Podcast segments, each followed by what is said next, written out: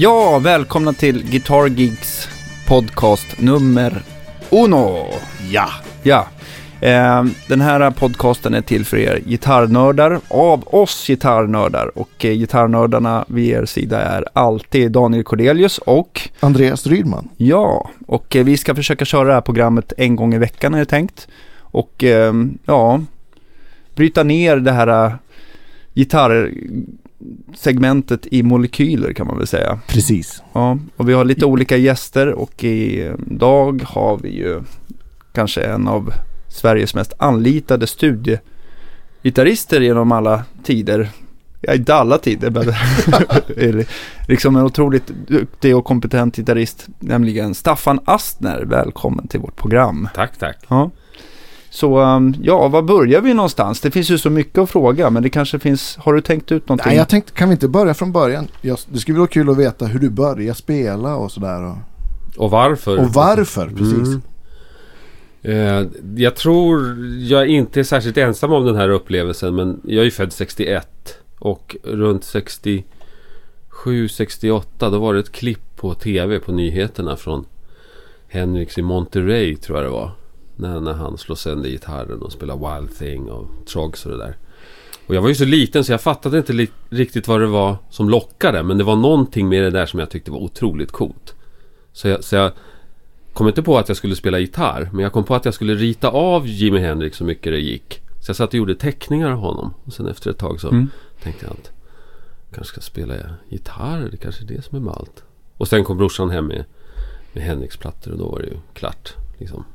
Så Hendrix är husguden nummer ett för dig? Eller? Ja, vad då i alla fall. Okay. Alltså, mm. Det finns ju så mycket. Ja. Fast egentligen så vill jag spela trummor. Okay. För i samma veva, jag, hade ju en, jag har ju en storebror då som är 6-7 år äldre nästan. Och han kom ju hem med Beatles-plattor och Stones-plattor och Hendrix-plattor och mycket bluesplattor från den tidens brittiska bluesboom. Mm. Och min stora idol det var Charlie Watts från, från Stones. Så. Så trummor var någonting jag ville lira med. Vi bodde i en liten lägenhet och mina föräldrar sa att ska du spela trummor då får du gå i kommunala musikskolan. Vilket var i och för sig bra då men mm. Men jag visste att det trummisarna gjorde där, det var att spela liksom marschmusik på virvel. Och det, jag var ute efter att spela mm. Så, Men då fanns det en gitarr hemma så då blev det det. Är du bra på att spela trummor? Nej, värdelös. Det lät bra nu då du muntrummade tycker jag. Ja, jag är bra på att klippa. Ja. Ja, ja men det är, det är coolt. Men, men eh, så Henriks var första liksom inspirationen sådär. Jag kommer ihåg, jag hade ju ungefär samma upplevelse fast det var inte Henrik. jag är ju några år, år yngre så jag hade ju Slash istället då, då. Inte riktigt lika häftigt kanske men eh, det var faktiskt han som fick mig att börja spela ordentligt. Så det var kul. Men eh, så du har... Ja, jag hade nog, det var nog det var nog Chuck Berry eller egentligen Elvis först för min pappa var en sån Elvis-fan. Elvis och Chuck Berry blev jag liksom tvångsmatad med. På det är ingen dålig start. Nej, det är en bra start. Så att, sen blev det liksom, ja men de vanliga. Van Halen och Conny Blom var en stor idol för mig som barn också. Jag såg honom det var så här. Det var svinbra. Nio. Fick en, fick en ja. chock första gången man hörde med han Electric Boys med Svull och sådär. Sen så började man lyssna på Electric Boys själva. Var, ja. ja. en bra gitarrist. Men sen då, blev det liksom, började du lira i band och grejer direkt eller? Nej, alltså den gitarren som fanns hemma det var en, en nylonsträngad gitarr. Mm. Och min brorsa hade lirat lite. Så han visade mig en, en blues 12 Och då började Chuck Berry komma in i bilden. Hemma också. Så jag satt och lirade Chuck Berry-låtar och försökte liksom töja på den där nylonsträngade. Och satt hemma och lirade till plattor väldigt mycket. Tills en snubbe som lirade i brorsans band sa att ja men ska inte, ska inte du lira i ett band? Och jag tänkte nej vad ska det vara bra för? Jag trivs här hemma med mina skivor. Min gura. Men då tog han med mig och så fick jag lira med ett band och det tyckte jag var helt värdelöst. För det, var, det lät ju inte alls lika bra som de där plattorna som jag lirade till hemma. Men så gjorde vi några försök och sen blev det en, en trio då som spelade Henriks låtar. Så och då var jag väl kanske 13-14 och sånt där. Men då hade du en elgitarr misstänker jag. Ja, då fick jag låna en elgitarr. Mm. När, när, vi, alltså när han ringde mig om att vara med eller spela med det här bandet. Då ägde han en elgitarr som jag fick låna. Som dessutom var en Les Paul från 68. Så det var ju en bra gitarr. Mm. Men hemma var den här nylongurkan då. Och då hade brorsan köpt en gitarr också. En elgitarr. Men den fick jag ju absolut inte röra. Okej, vad var det för någonting då?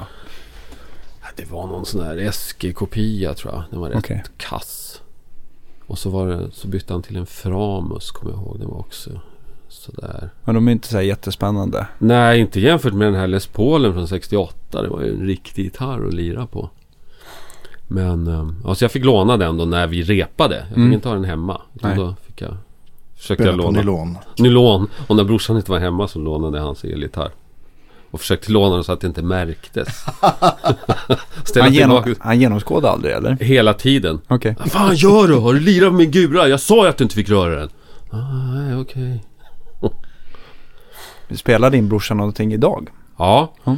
han lirar idag. Han, han har lirat mest folkmusik hela livet. Banjo och dragspel och sånt där. Men nu lirar han ganska mycket gura igen. Okej. Tom Waits-aktigt band Ja, han har. Första elgitarren då? Eh, jag köpte en SG-kopia som heter Hoyer. Som var hemsk. Helt värdelöst. Och då får, då får ni komma ihåg att jag utgick ifrån. Jag jämförde ju med den här Les Paulen hela tiden. Mm. Då, som ju var en bra gitarr. Mm. Var det en Goldtop eller en sån här Black Beauty? Det var en Goldtop. Ja. eh, P90. Så den hade jag tag men det var liksom ingenting. Men sen så fick de in en, en Strata i lokala musikaffären. Jag tror det var en 68 eller något sånt där. Mm. Och då var det ju... Då kände jag att det här var ju ett alternativ. Så, så det var den första riktiga. Tror jag. Nej, nu ljuger jag. Det var en gitarr innan dess. Och det, nu blir det en liten story av det här om ni orkar höra. Ja, Ja, men jättebra. Det är absolut. därför vi är här. Ja, ja det är bra. Nej men eh, Brorsan köpte ju i samma veva en lite bättre SG. En 62 med P90 som var skitbra. Av en snubbe som dealade gitarrer på den tiden till, till Halkan och andra Mm. som hade gitarraffärer i Stockholm. Det här var på 70-talet då. Och jag ville köpa en gitarr av honom och eh, hade ju inga stålar såklart. Men så sa han att "Ja, men om du kan skramla ihop en 3 och 5 så kan du få liksom en Gibson. Så vad jag gjorde var att jag tog ett jobb som ingen annan ville ha på sommaren. Och det var att tömma skittunnor på reningsverket. så, så jag var där. Alltså om hälsovårdsnämnden hade sett det där idag. Det var alltså ett slutet hus, ingen ventilation, inga fönster. Och 200 latrintunnor som kom in från sommarställena Herregud. varje dag, dag som vägde typ ja, någonstans 70-80 kilo som jag konkade in då. In på ett rullande band, tog av det där, välde ut maskar, tömma dem, göra rent. Och bakgrunden så lyssnade jag på Little Feet och Muddy Waters kommer jag ihåg. På en sån där bergsprängare som jag hade. Fan vad bluesigt. Ja, Ja, Tror ni jag kan sälja den gitarren efter det? så då jobbade jag en sommar, fick ihop mina 3 och 5. Kunde köpa en Les Paul Junior från 59. Ja, coolt. Men de brukar vara helt fantastiska. Ja, den är grym. Den har jag kvar än idag. Det går inte att sälja efter det där. Nej. Nej. Sen gjorde jag om samma sak nästa sommar för att kunna köpa Music med förstärkare. Har du kvar den? Nej, den har jag inte kvar. Jag är inte lika sentimental när det gäller förstärkare som gitarrer. Sen så är väl kanske inte Music Man-stärkarna i min bok de allra roligaste. Nej. Nej. Det var, då var det ju hippt liksom. Men Mm. nej, det var inte så kul.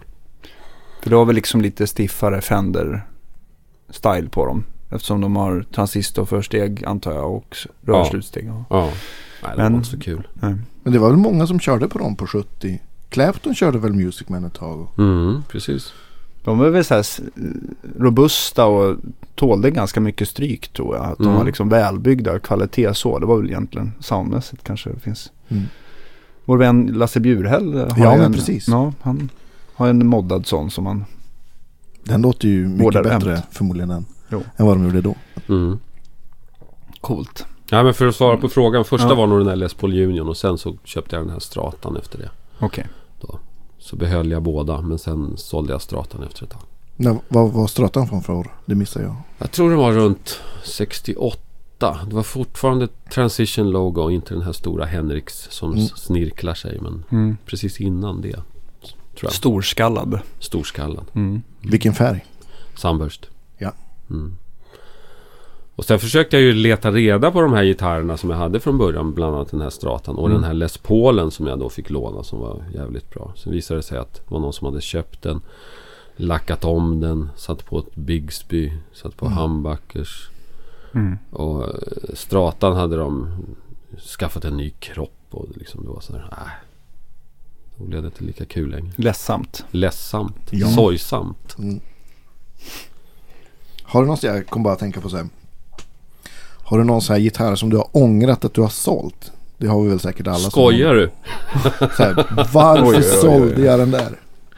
Ja men där har du ju två. Alltså först den här stratan då. Det hade ju varit kul av, av sentimentala skäl att ha haft kvar sin första strata. Vad fan skulle jag sälja den för? Ja. Och Les Paulen ägde jag ju i och för sig aldrig. Men jag hade ju kunnat köpt loss den då. Eh, så, så det var ju synd. Förutom det. Så finns det säkert. Alltså en del Les Pauler som jag har haft som har varit jättebra. Jag kommer ihåg jag hade en Les Paul.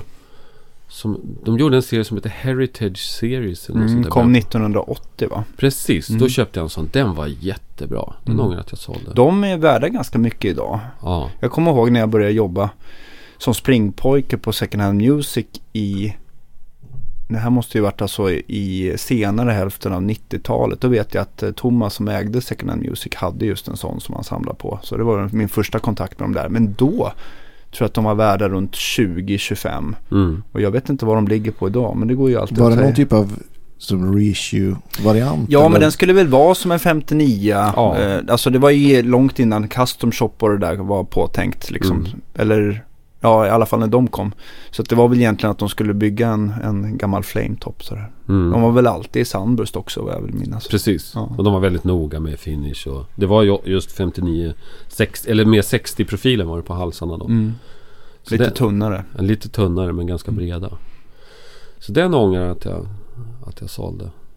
Faktiskt. För den var väl också lite roligare för just om man liksom tittar på Gibson och hur de har byggt Les Pauler. De, hade- de började ju 52 och sen så slutade de 60 när Esken kom 61. Mm.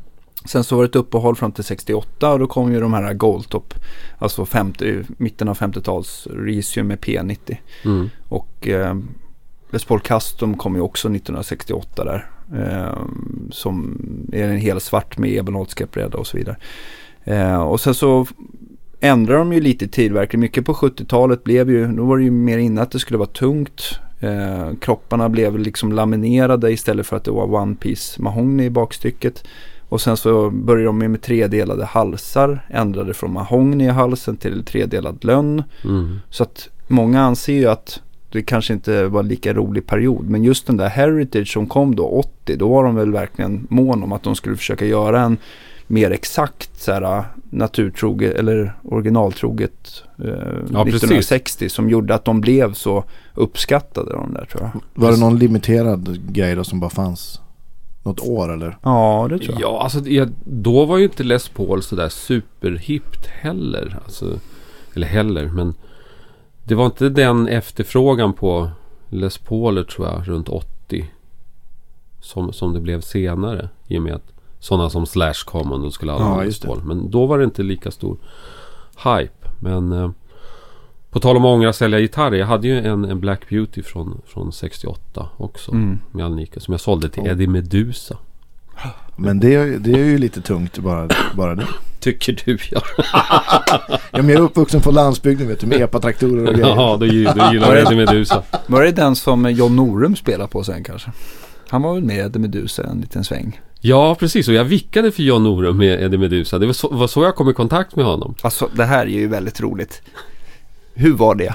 med Eddie Medusa eller med John Norum. Eddie Medusa såklart. ja, såklart. Bägge och givetvis. Ja, bägge och. Nej, men...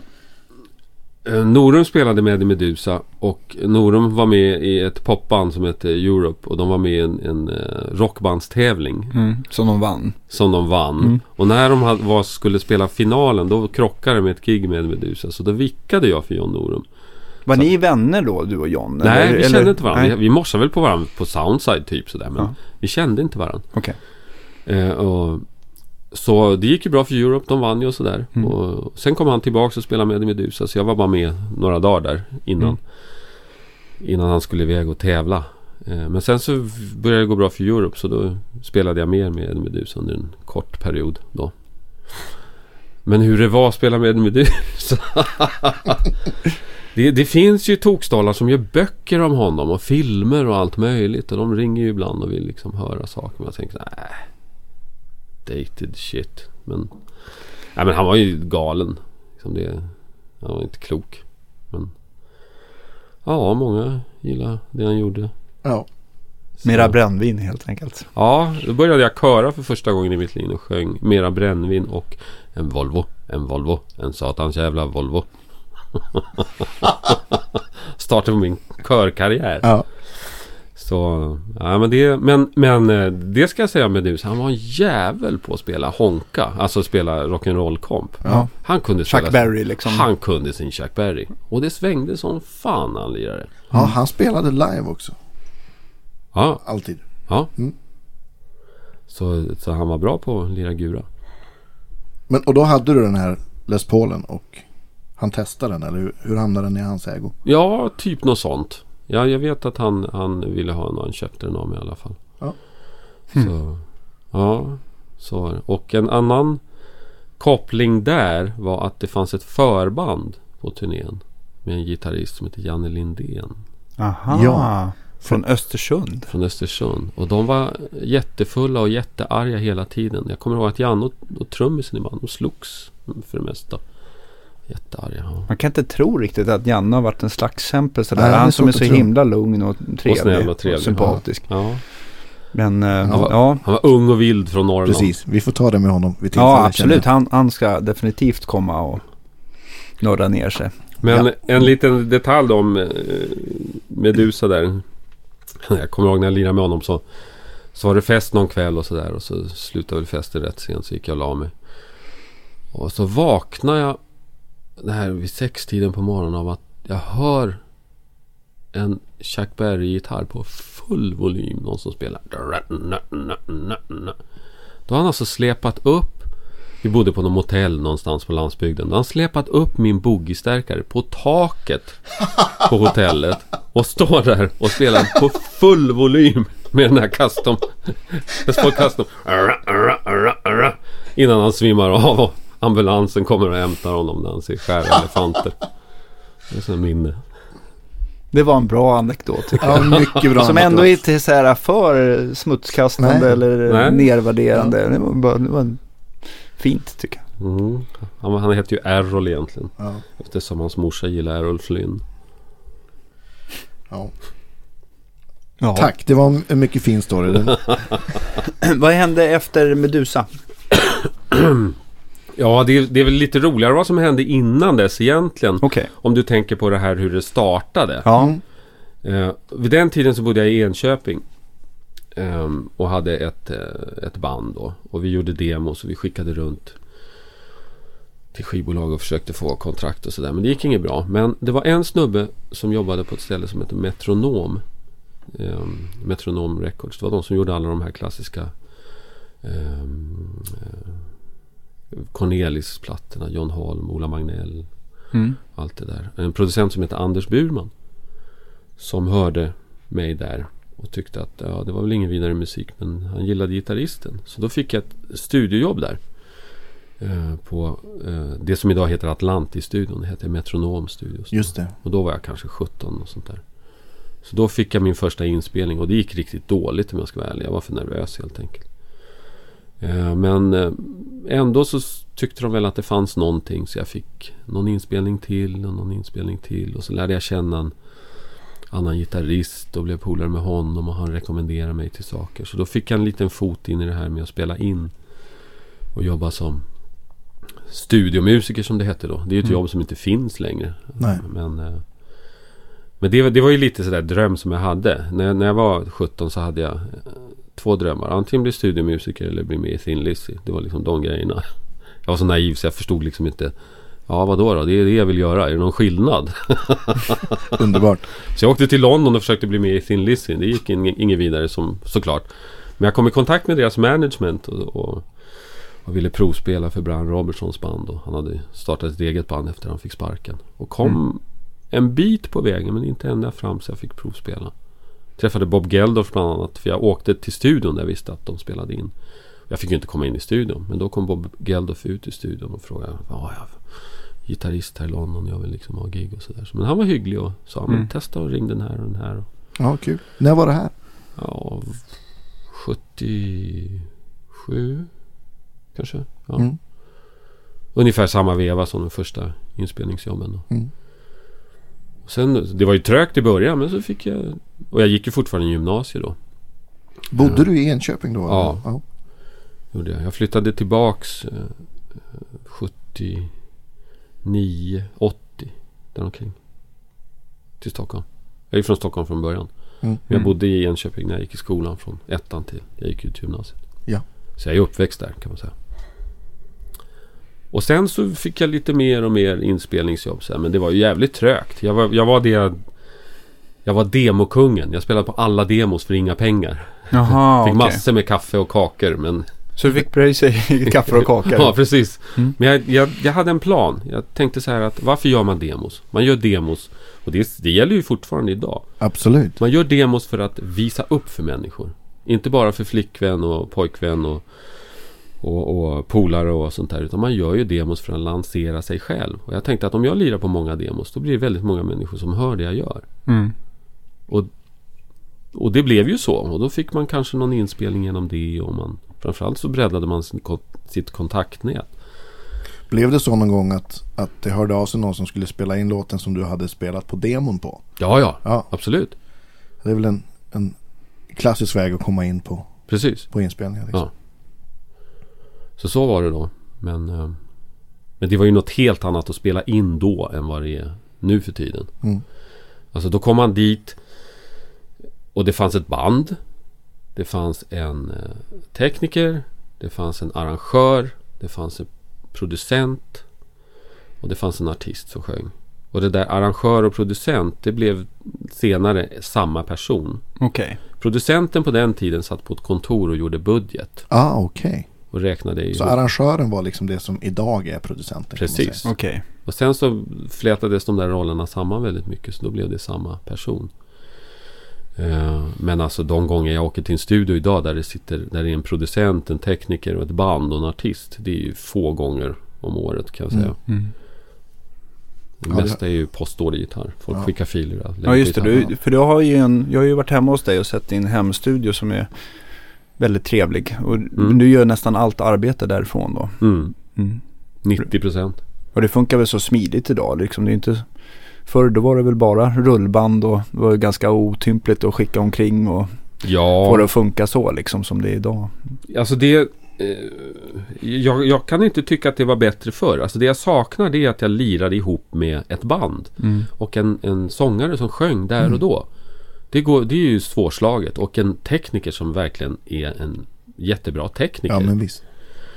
Det saknar jag ju såklart. Eh, Men det, den friheten som det ger att idag kunna lira på en inspelning som har startat i någonstans i något annat land.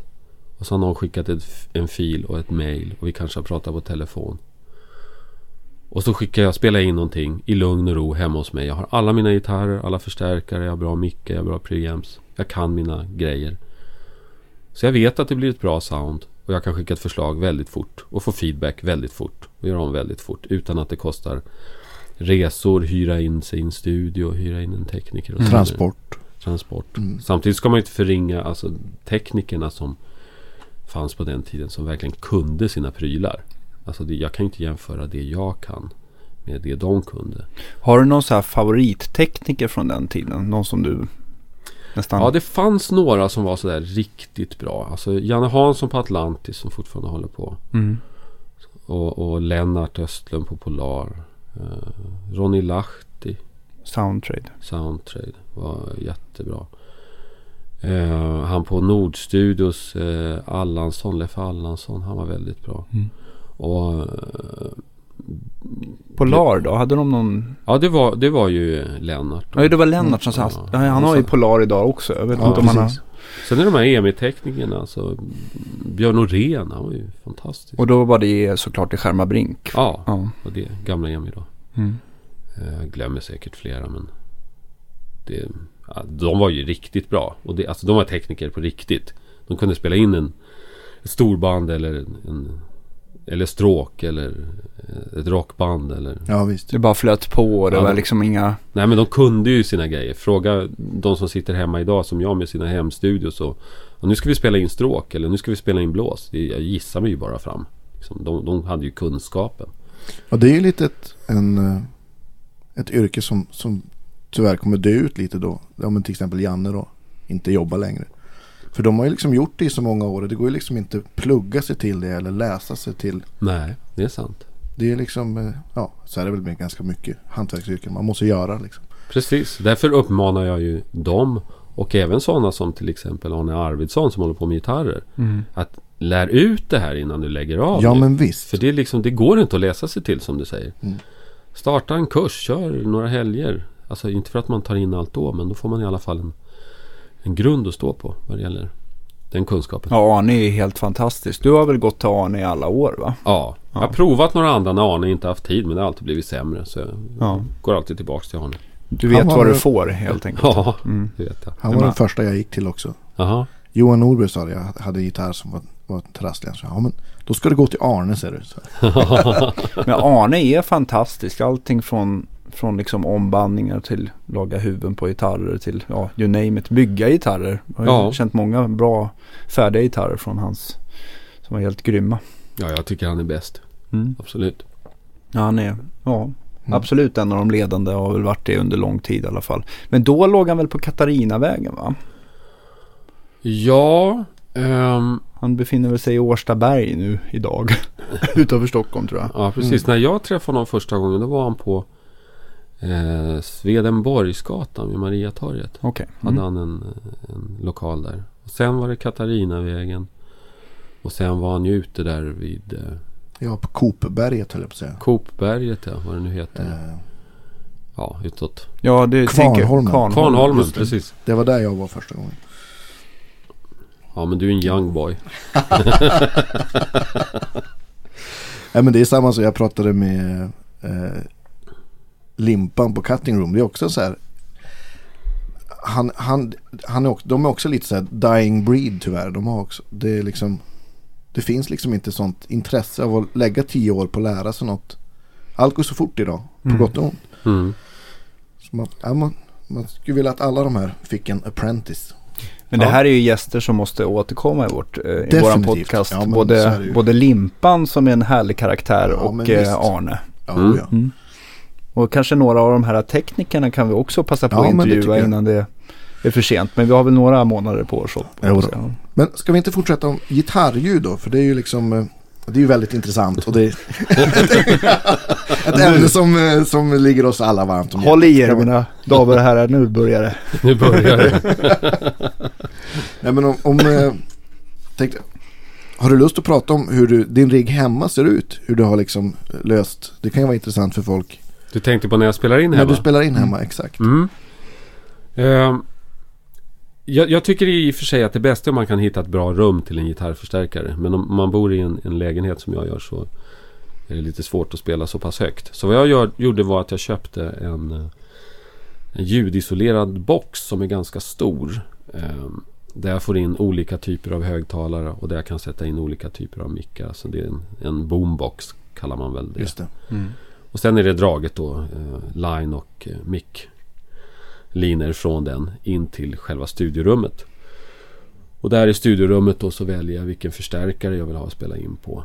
Ehm, ehm, Fender har jag alltid använt och kommer alltid att använda. Och sen så gillar jag ju Olsson-stärkarna också Mm. jättemycket. Sen har jag Matchless och Orange och Marshalls och Gibson-stärkare och sånt där. Men den som passar till det gigget som jag ska göra då. Mm. Då väljer jag den förstärkaren och sen så har jag förstärkaren i kontrollrummet.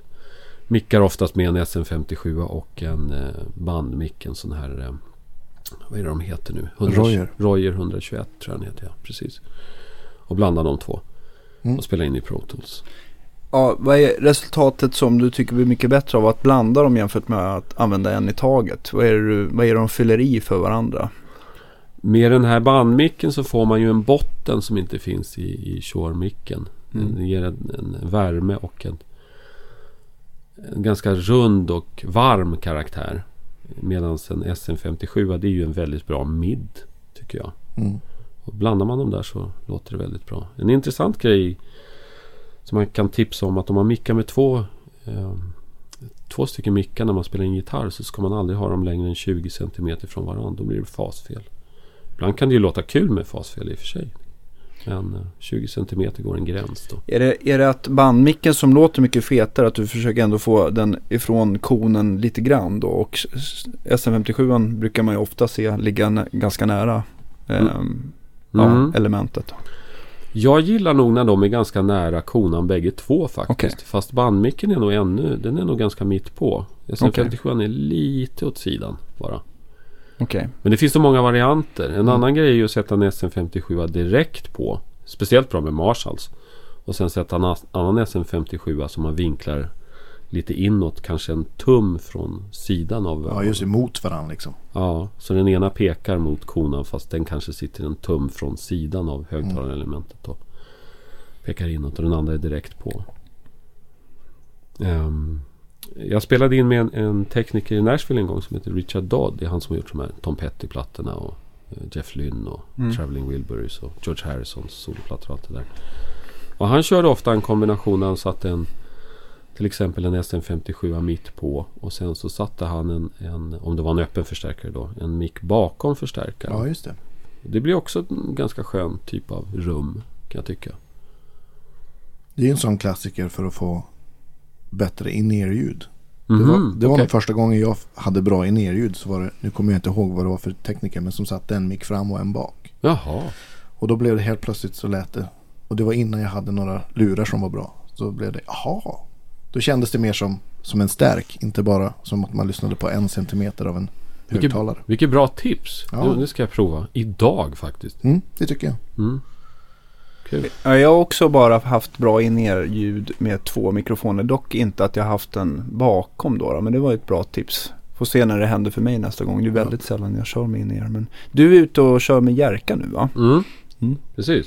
Skalateatern. Skalateatern. 43 gig nu i Ja. höst. Ja, men det är bra. Då, då vet ni vad ni ska kolla in. Ja. Herr Astner i höst. Det är, Precis. säkert, det är säkert slutsålt eller? Nej, det är lättare att få biljetter nu. I våras var det helt kört. Då var det ju slutsålt varenda gig nästan. Men Mm, då var jag och kollade med min mor och hennes sambo. Och vi fick inte ens sitta ihop. Så, så pass slutsålt var det. Aha, Ja. okej. Nej, nu finns det... mm, Nu är det lättare att hitta biljetter. Det är ju en himla fin orkester och, och Jerka är ju på topp. Så att det, Jerka är på topp. Han är ju piggast av oss alla. Och han är 74. Sen är det den viktigaste frågan kanske. Får du tillräckligt med gitarrsolon? Ja, på skala får jag ju det. Ja. Jag får ju till och med en egen liten spot där jag får hålla på och bete mig. Ja, Så, nej men det är... jag har skrivit in det i kontraktet. Minst två solo-runder per låt. Precis. Minst fyra Chuck Berry-låtar. Ja. Nej men jag är nöjd. Jag får, jag får mitt utrymme. Ja, Det är ju Andreas bra. vittne. ja, absolut. Ja, men det är gitarrfest. Ja, det är det.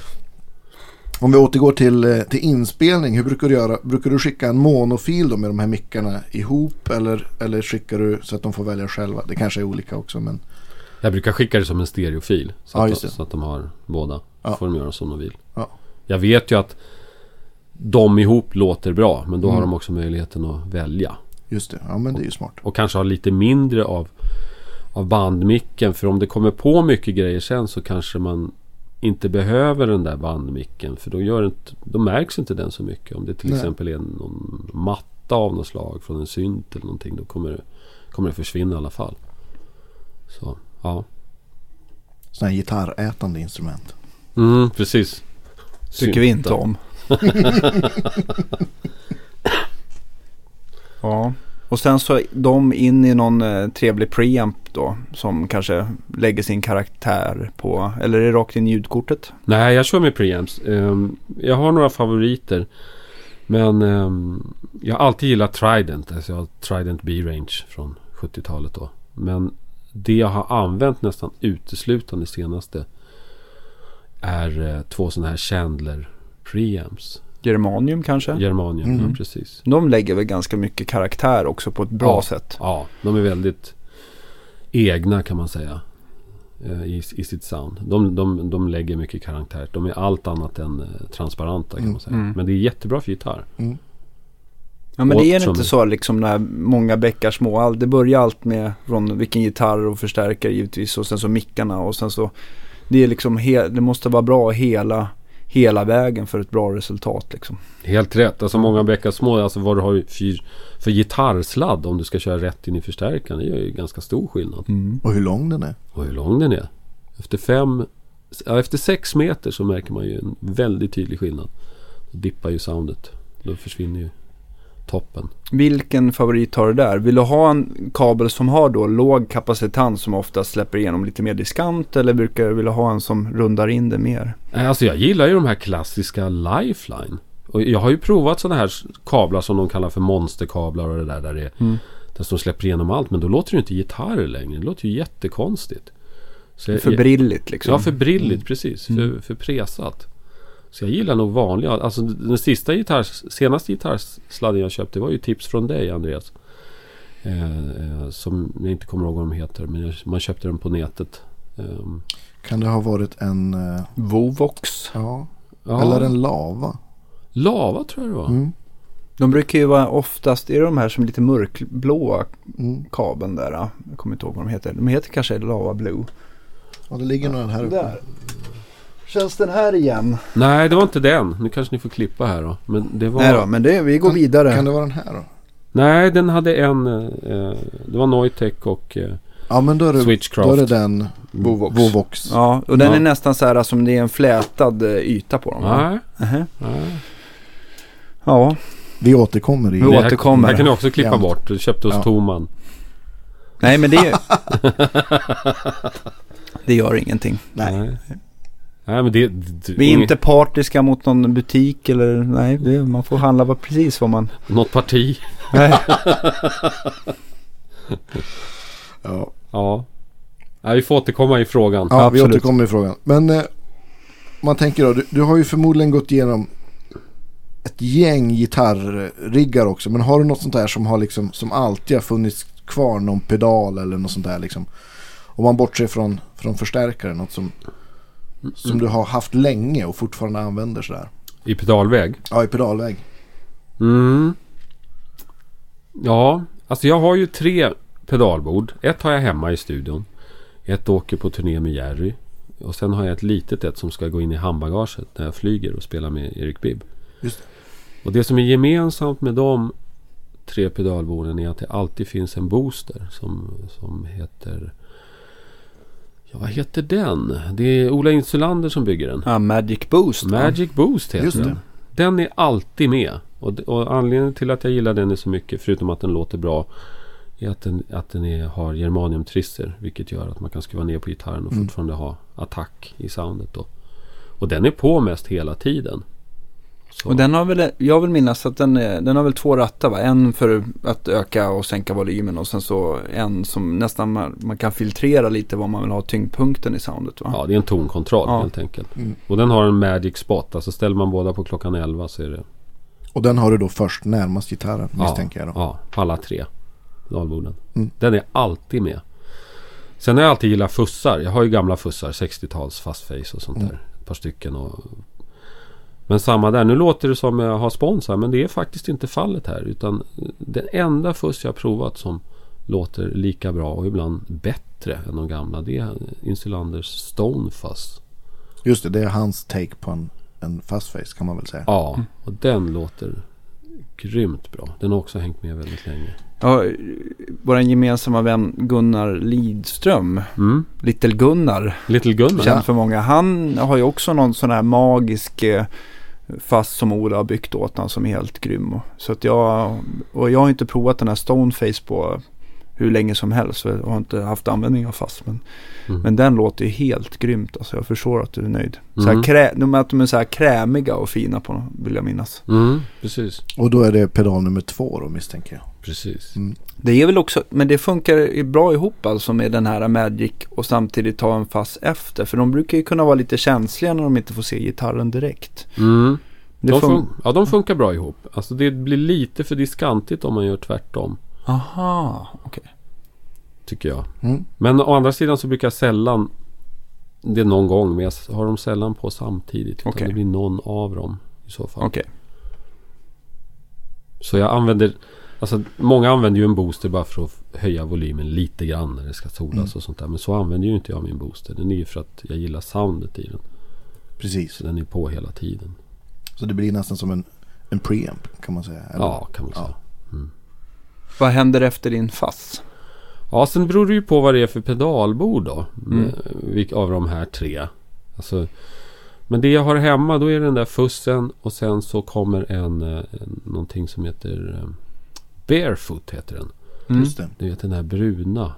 Honeybee kanske? Honeybee heter Mm. den. Som jag tycker är jättebra. Det är Mm. alltså Björn Hjul då, den här pedalfantomen som har ett märke sta- från staterna, Barefoot, som, som serieproducerar hans gamla modeller helt enkelt. Mm. Då, för att det ska vara enklare att få tag på dem. Mm. Den gillar jag jättemycket. Ja, den är grym. Mm. Mm, det är Den är också väldigt trevlig till exempel tillsammans med din fast face eller man kör en boost in i den så tar, Precis. den äter ju andra pedaler väldigt bra. Det är Mm, inte alla, till exempel om man jämför med en annan klassisk overdrive som en Tube Screamer, den är inte så himla pigg på att få nå- någon booster innanför, eh, eh, liksom eh, före, Innan. för, innan Mm. för att få mer gain sådär. Den brukar ju kräkas på ett litet Mm. speciellt sätt då, men inte den här. Nej, jag har aldrig varit någon fan av Tube Screamer. Men Nej, det är samma här. det är många som gillar dem. Ja det är ju lite, där är väl också sådär när, när allting står rätt. Såhär när det är någon lagom distad Marshall eller Fender Super Reverb eller någonting så Mm. vill man ha en pedal som kapar lite bas och Mm. gör det lite mer lättspelat. Ja. Då har den sin charm. Men som ov- ren overdrive har jag inte heller varit något större fan sådär. Men Det är lustigt Ja. det där. Det är ju liksom, vi har ju alla många kollegor som gillar Tube Screamers. Som låter, och det låter jättebra Mm. tycker jag. Då jag hör folk spela på det men jag, jag gillar det inte riktigt. Är det inte hur det känns med overdrive? Som att det liksom, det kan låta svinbra men så känns det fel också. Ja, precis. Det hänger ihop väldigt mycket där. Det jag har svårt med med Tube Screamer är att all botten försvinner. Ja. Mm. Eh, Det gillar inte jag. Nej, blir- inte jag heller. Ja, Men vi, ska ju, vi har ju sagt att vi ska göra ett program, eh, bara du och jag Andreas, när vi liksom försöker eh, bena ut skillnaden mellan Overdrive Fuzz. fuzz. Och dist. Ja men och visst. sen så gör vi lite ljudexempel Mm. så att eh, ja, folk, vi kanske också ska börja göra lite ljudklipp så här exempel 1, 2, 3 så inte folk får förutfattade meningar. Mm. Ja men det, Nej, vi ska grunda på, Mm. det, grunda Det- på det där mm. vi återkommer i frågan. Mm. Ja, Honeybee var vi på. Honeybee. Och sen så blir det... Jag har en sån här gammal VB2 Boss Oh. vibrato. Mm. Den, den har hängt med länge, länge. Det är den jag gillar som någon slags modulationsgrej. Det är många som har svårt att byta ut den när det kommer till vibrato. Ja, nej, den har jag kvar. Eh, och sen är det T-Rex-pedaler, Tremolo och eh, deras Delay. Eh, deras första bruna de gjorde, Replika. Ja, så? just det. Och där har, kan man, om man återgår till det som du var inne på Danne, att eh, hur det låter och hur det känns. Mm. Alltså jag har ju provat massa andra delay-pedaler som, som låter fantastiskt. Men Mm. den här blandar sig på något vis när man spelar. Som, som, alltså den finns där men den stör inte, den ger bara lite rymd. Och egentligen är det bara vanligt analog delay men den gör någonting som är väldigt bra. Jag har provat de här exklusiva Strymon och allt det där. De låter fantastiskt. Men jag fick aldrig in dem i bilden. Som jag får in den här replikan. Mm. Så där har det varit också. Jag har också haft en, eh, inte just med deras delayer har jag aldrig använt Strymon, men just de gör ju en jättetrevlig pedal som heter Flint som är hälften tremolo och hälften reverb. Mm. Och jag har märkt det när jag har stått live och försökt att liksom lägga in reverbet så att det ska bli lagom. Då påverkar det spelkänslan så mycket så att det känns fel. Och sen Ja, så när man drar ner den lite grann för att det ska kännas bra, då hör man det inte. Så att Mm. det har varit skitsvårt jämfört med ett starkare reverb. Så att jag, jag vet inte om det är Strymon överlag, men, men eh, Ja, de är ju Ja. jättebra grejer. Ja. Jag har spelat Ja, in med deras den här El Capistan någon gång. Mm. Vad den heter. Den, den låter ju hur bra som helst. Mm. Men, ja, men live sådär så tycker jag det blandar sig bättre med den här replikan. mm. I sin enkelhet. Faktiskt. Ja, det är samma sak. Jag har också provat att byta ekoboxar. Men ett moddat med Professor Deep Blue Delay, ja det är det som... Jag har nog blivit så himla van vid det så att det, det går inte att byta ut det. Det är mycket det också. Vad Ja, man men är är van ju. vid. Ja. Man lär sig ju spela ljud på något vis Precis. också. Man blir liksom van och så vet man liksom hur, hur ens grejer reagerar med ens fingrar på något vis. Ja, Och, absolut. Man spelar ju efter det sound man har. Exakt. Är man van vid det då blir det ju lättare. Så Ja. är det ju. Och sen, ja, det var nog allt på eh, hemmabordet där och, och så en eh, stämapparat av något slag. Mm. Eh, men till exempel när jag spelar slide så använder jag Olssons den här Wizard som den heter. Den är Mm, den är jättebra jättefin. till slide. Ja, den är bra till allt möjligt men just till slide så, så är det den som gäller. Lite mig. mer kompression helt enkelt. Ja, som och den är lite trevlig. fetare också. Mm. Ganska... På ett sätt ganska hårdrockig men, om, men, på, men den, alltså den är, det är väldigt mycket dist. Men av någon anledning så funkar den jättebra att lira slide med, tycker jag. Ja, den är mycket trevlig. Mm, det gillar jag. Den, går, den har ju sex rattar så den går ju verkligen att tuna in också vad man, Ja, på precis. ett bra sätt. Mm. Ja. Lägger du effekter i, i, i datorn? Ibland också. ja, reverb Ja. till, till gitarren. Och eh, ibland lite delayer. Mm. Eh, antingen det eller också om jag ska trasha soundet fullständigt så det ska låta som en konstig synt. Mm. Så jag spelar det på gitarr. Och, ja, Waves-pluggarna är ju bra. De använder jag ju mycket. Mm. Men eh, i regel inte. Alltså det mesta är nog från pedalbordet faktiskt.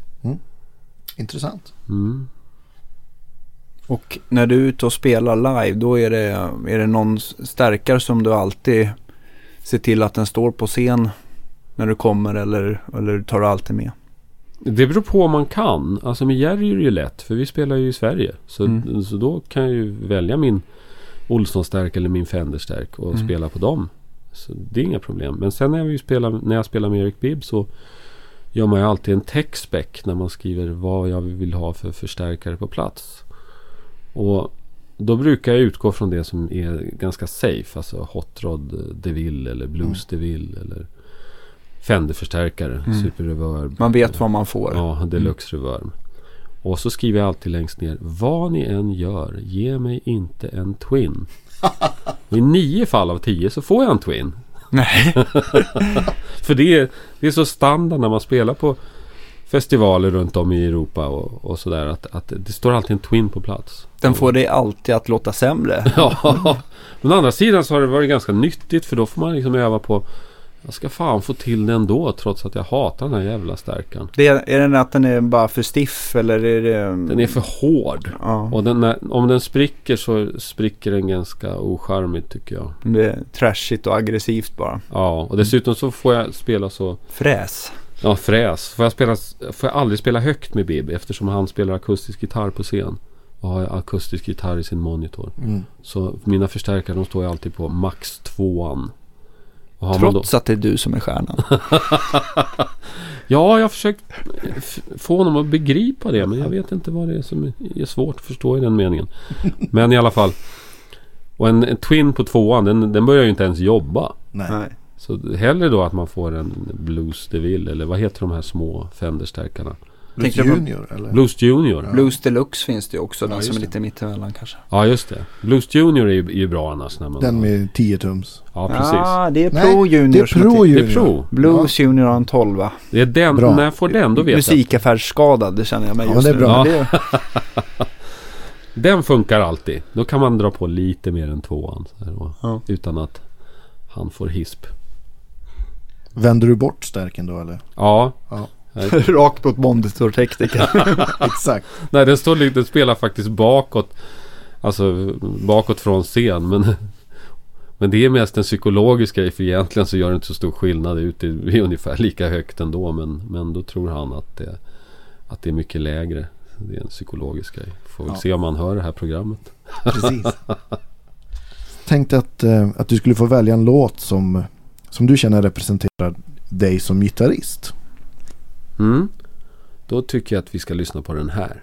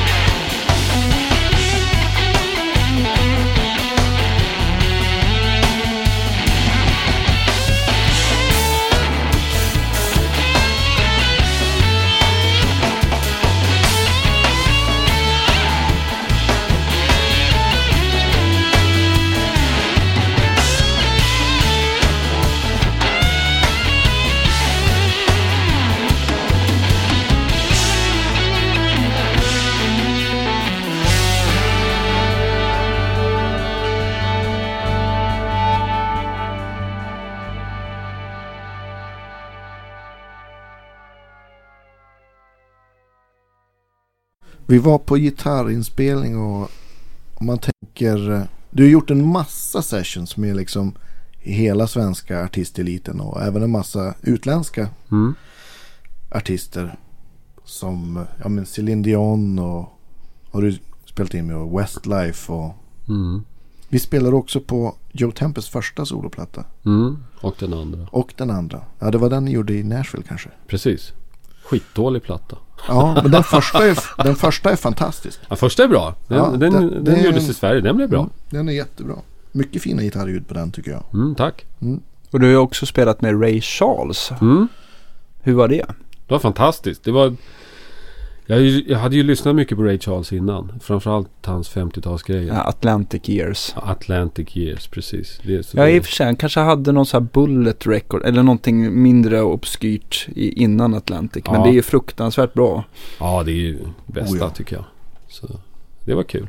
Att vara med om det. Vad, vad gjorde du det någonstans? Var det i studio eller live? Ja, det var live. Vi repade och sådär, så det var rätt kul. Han, han fick ju Polarpris.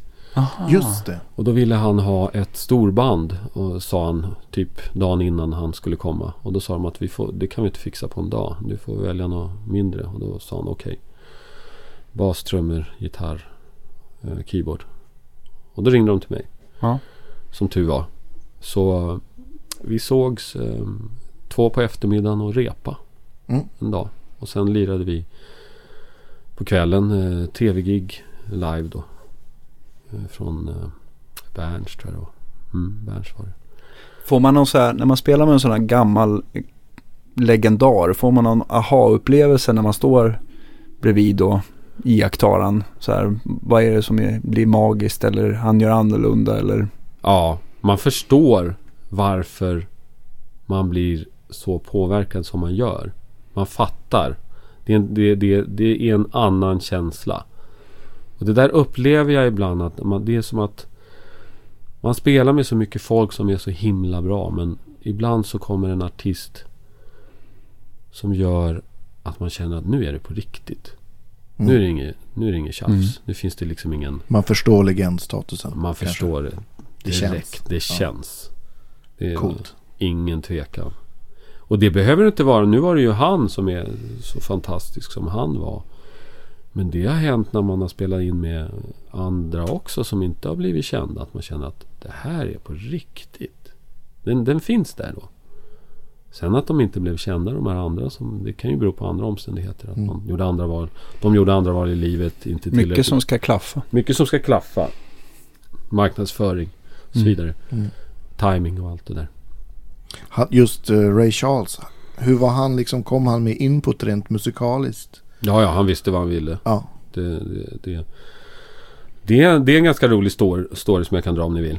Kör bara. Ehm, Gärna. jag var den första som träffade honom där på eftermiddagen. Han kom med sina livvakter. Och han hade ju rykte om sig att kunna vara ganska elak mot sitt band. Men han var på strålande humör. Så jag blev presenterad och han sa Hej, how you doing son? Och så känner jag någon som skakar min hand och börjar klämma mig på armen från handen upp mot axeln.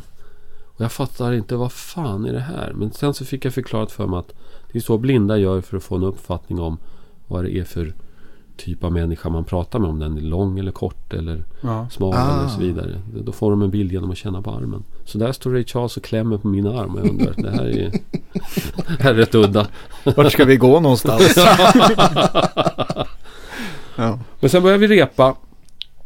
Och han ville inte tala om i förväg vad han skulle göra för låtar. Utan han sa ja, ja men vi börjar med den här. Och så körde vi eh, Song for you, eh, Leon Russell-låt. Mm. Som jag gillar jättemycket. Det var jättekul att få spela det med honom. Och han hade, var väldigt tydlig med vad han ville. Alltså han sa inte så mycket om gitarren på den. Sen spelade vi en gammal jazzstandard som heter It's Gotta Be You. Som jag aldrig hade hört. Så jag hade fullt sjå med att klura ut vad, vad är det för ackord? Vad är det som händer i låten?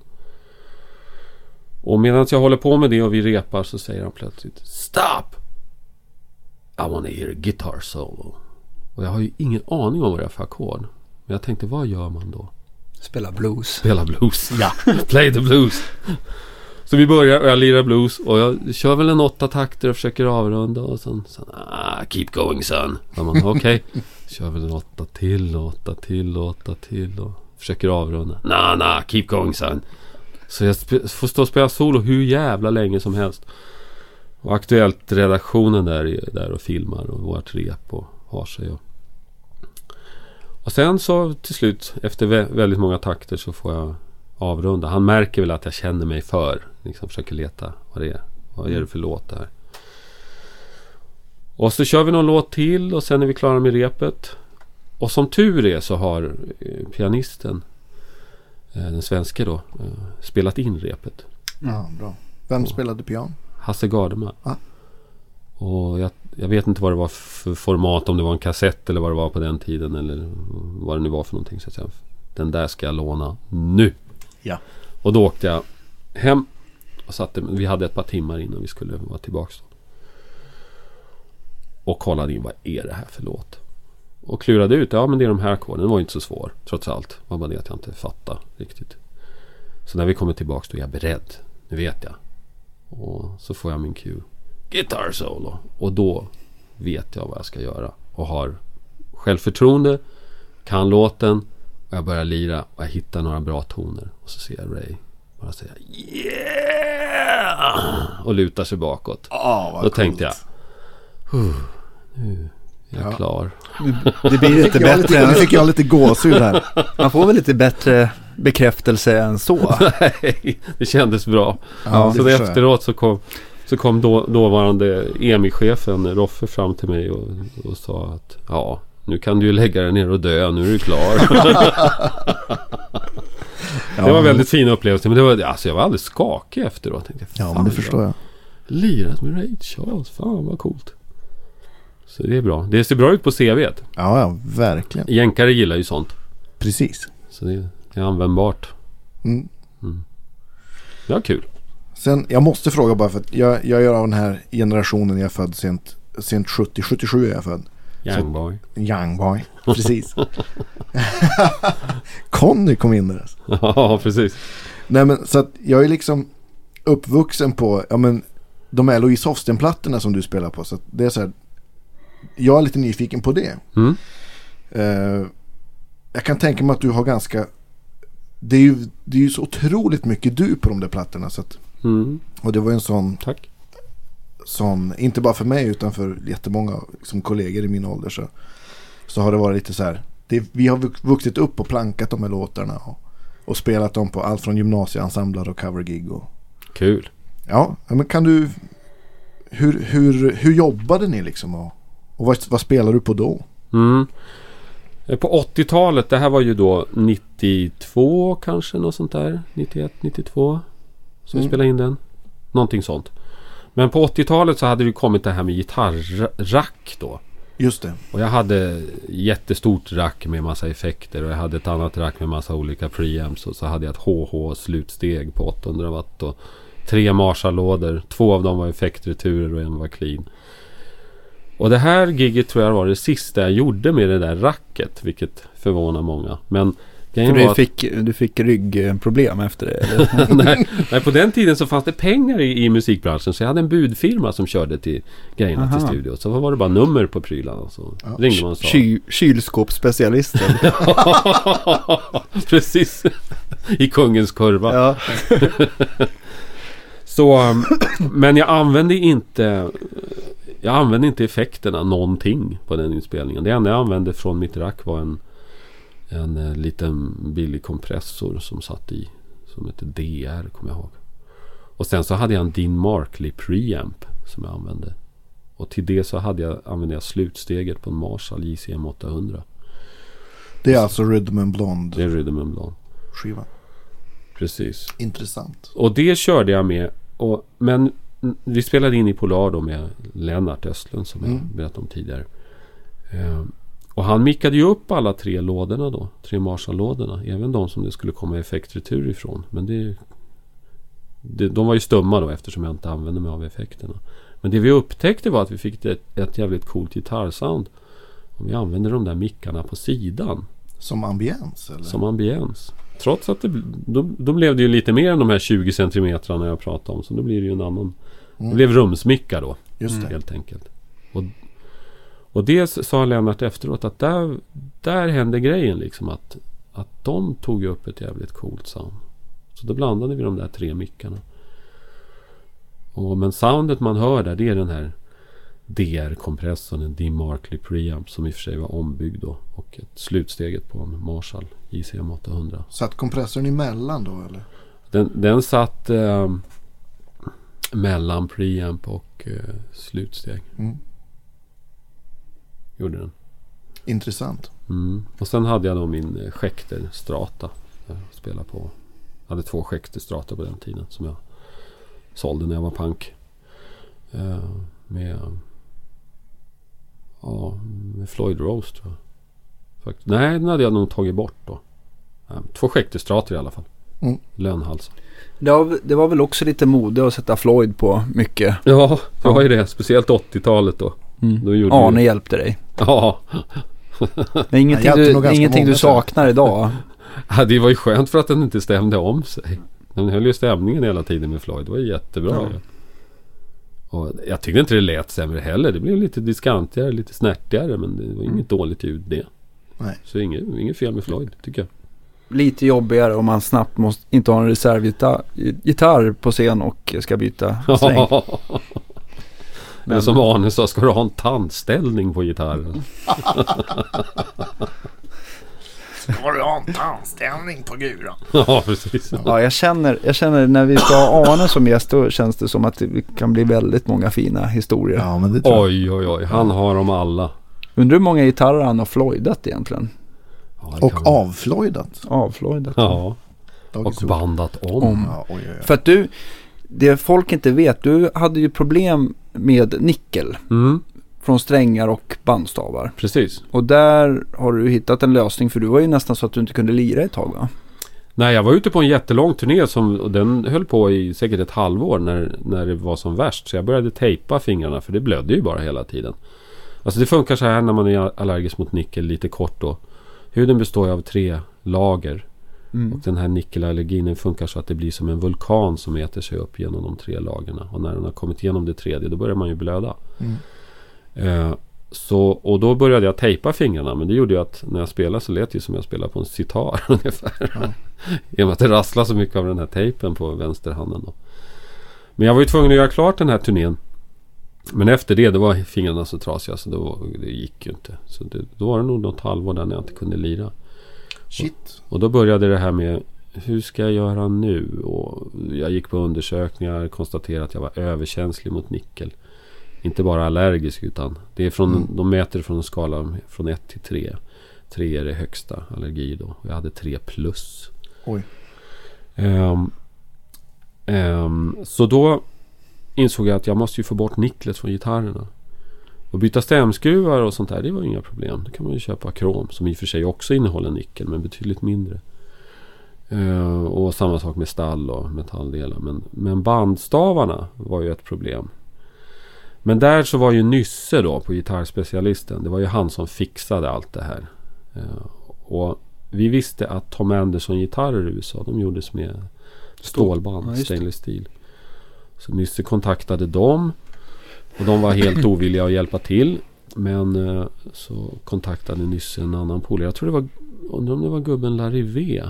Eh, någon i alla fall. Som, tills, anyway, till slut så fick vi tag på den här snubben som gjorde bandstavar till Tom Anderson. Och det var en snubbe som jobbade på General Motors i USA. Mhm. Som gjorde bandstavar. Och när är det här? Är det här 90 eller 2000-tal eller vilket år jag pratar? Det här är eh, slutet på 90... Början på 2000-talet Okej. borde det vara. Mm. Eh, så vi fick tag på honom. Undrar kan du göra band hos oss? Och, ja, sa han. Hur många kilometer vill ni köpa? Två. Kilometer. ja. och då sa vi kan du skicka lite samples? Och det gjorde han då. Och den, den samples han skickade det räckte till sex gitarrer. och nästa steg var då vem ska göra det här jobbet? För det krävs helt andra typ av verk, typer av verktyg för att jobba med stainless steel mot nickel. Nickel är mycket mjukare. Mm.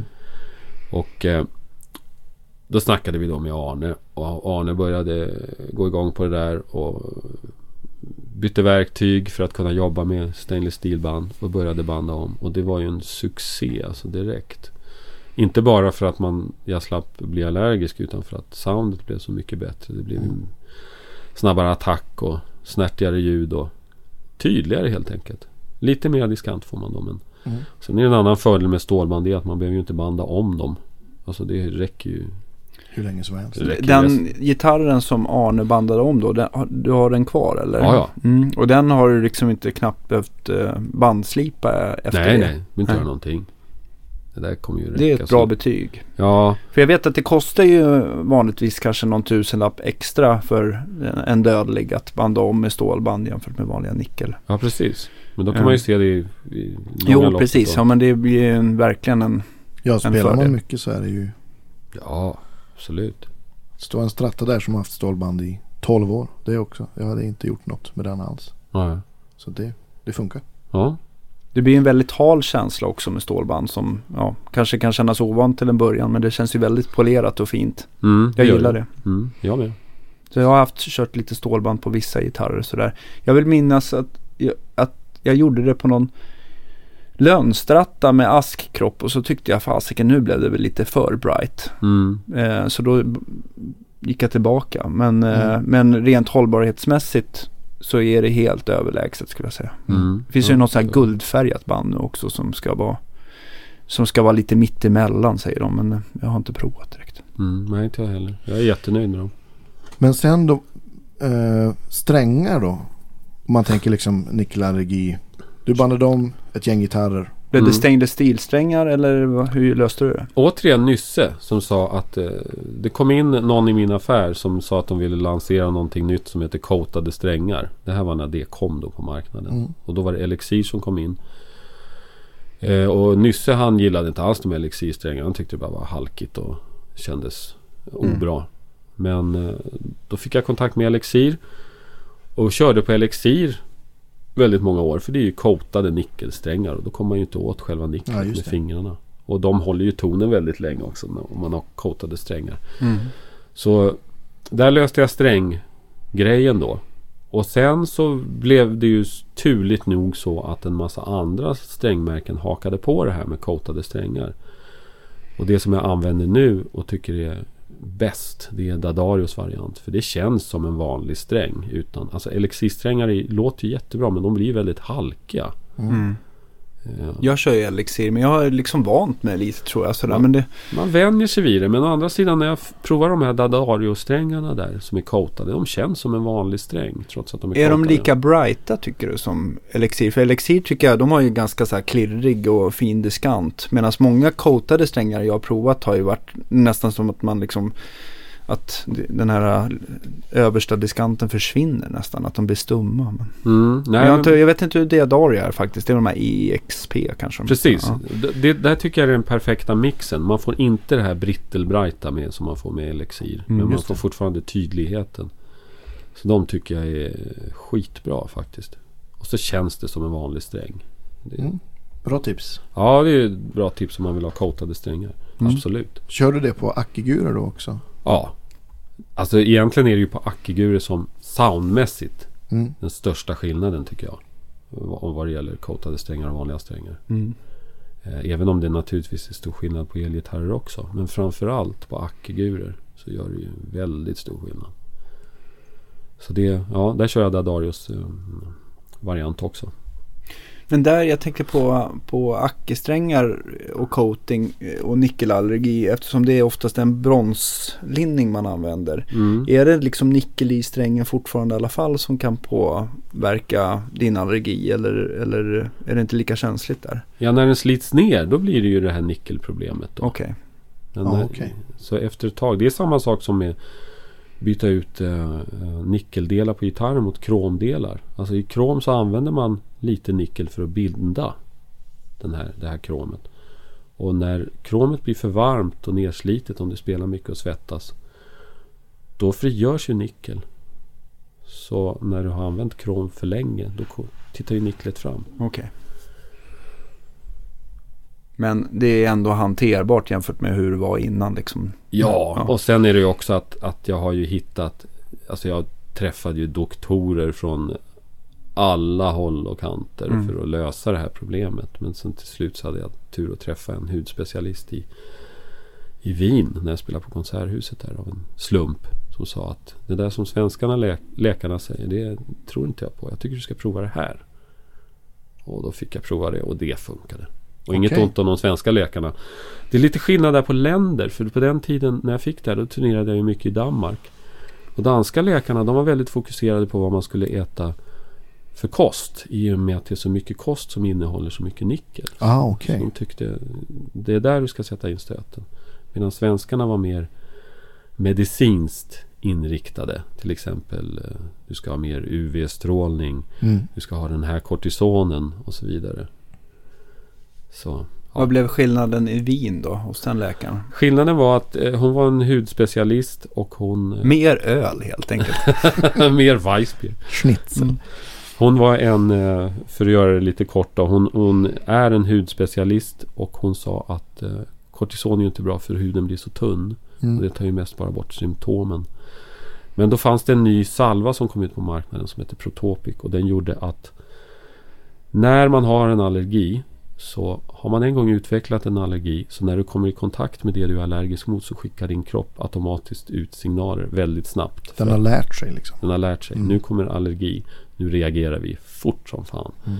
Men om man använder den här salvan då, Protopic, så gör det att att kroppen blir lite mer slödtänkt helt enkelt. Den reagerar ungefär som första gången du kommer i kontakt med den här allergin. Det vill säga du får Okej. inte samma typ av symptom och utslag. Precis som en Weissbier helt enkelt. Så smörjer jag in mig med den där varje kväll så, så funkar det. Okej. Det gör jag fortfarande. Schysst. Och nu kan jag faktiskt, alltså jag kan plocka ner en gitarr här från väggen i eran studio med nickelsträngar och spela på den en, en halvtimme och det är fine. Mm.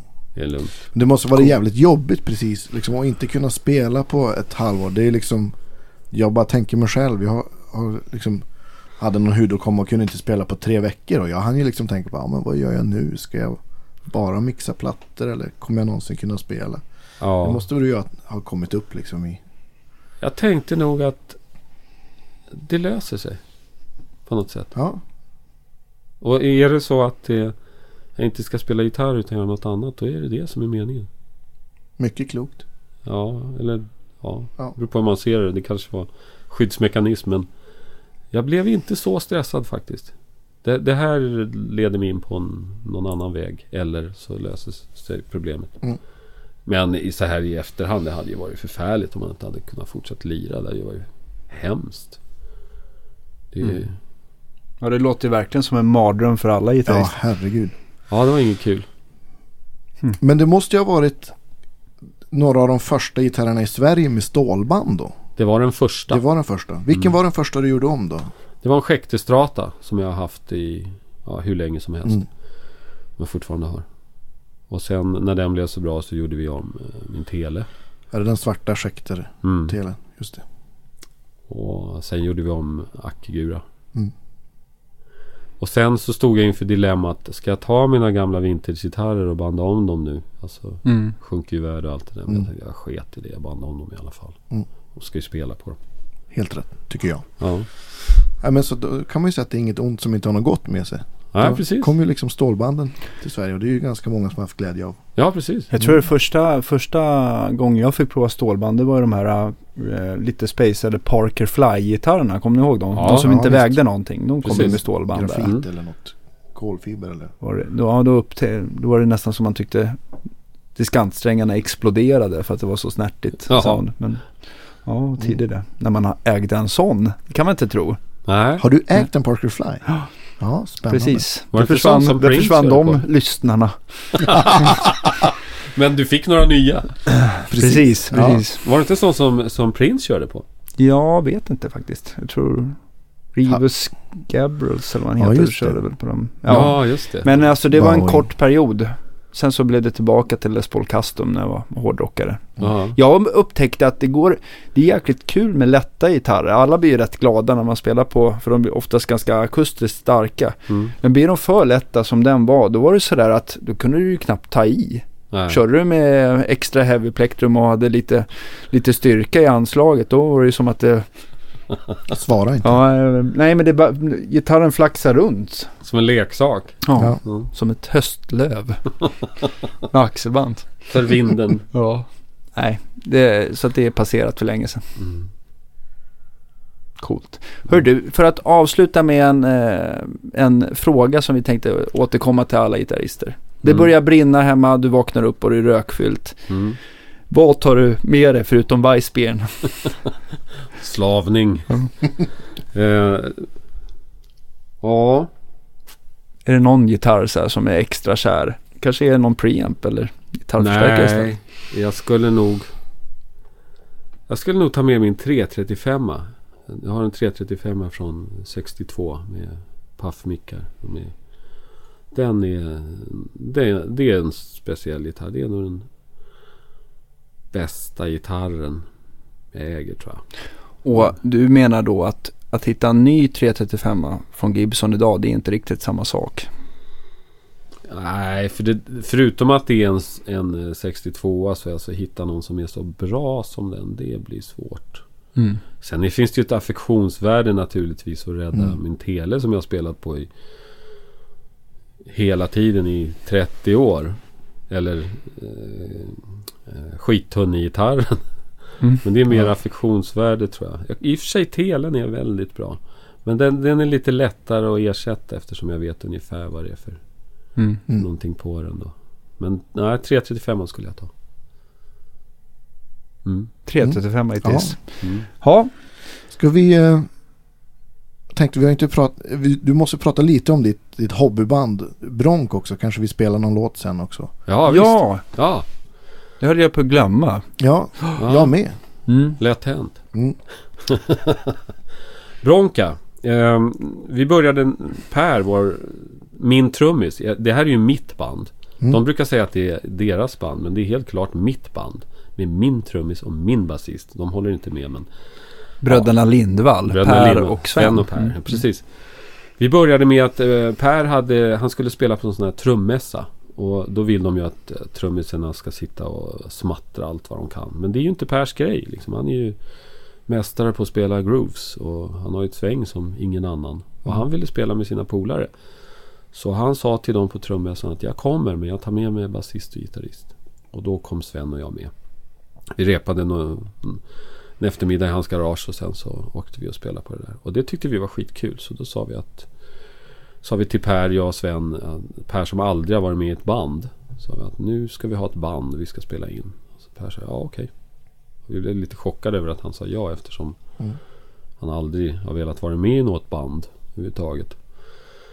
Men så startar vi och så eh, Nu har vi gjort två plattor och vi håller på med den tredje. Och det är ju väldigt roligt att göra det på sidan om. För alltså, det är fantastiskt kul att lira med Jerry och jag är jätteglad för det gigget. Men jag behöver göra andra grejer också.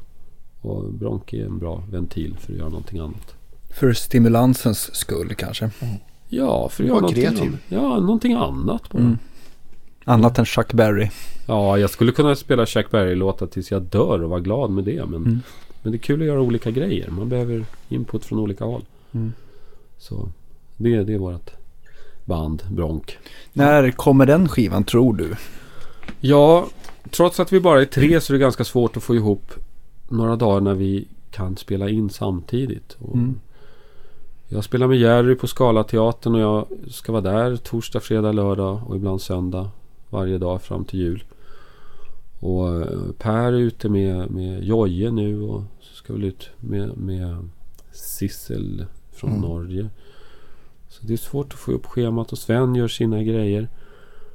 Eh, Så ja, så fort vi får en lucka bara. Men Mm. jag kan tänka mig att vi kanske spelar in runt årsskiftet eller något sånt där. Början på nästa år. Så den, Mm. förhoppningsvis till våren.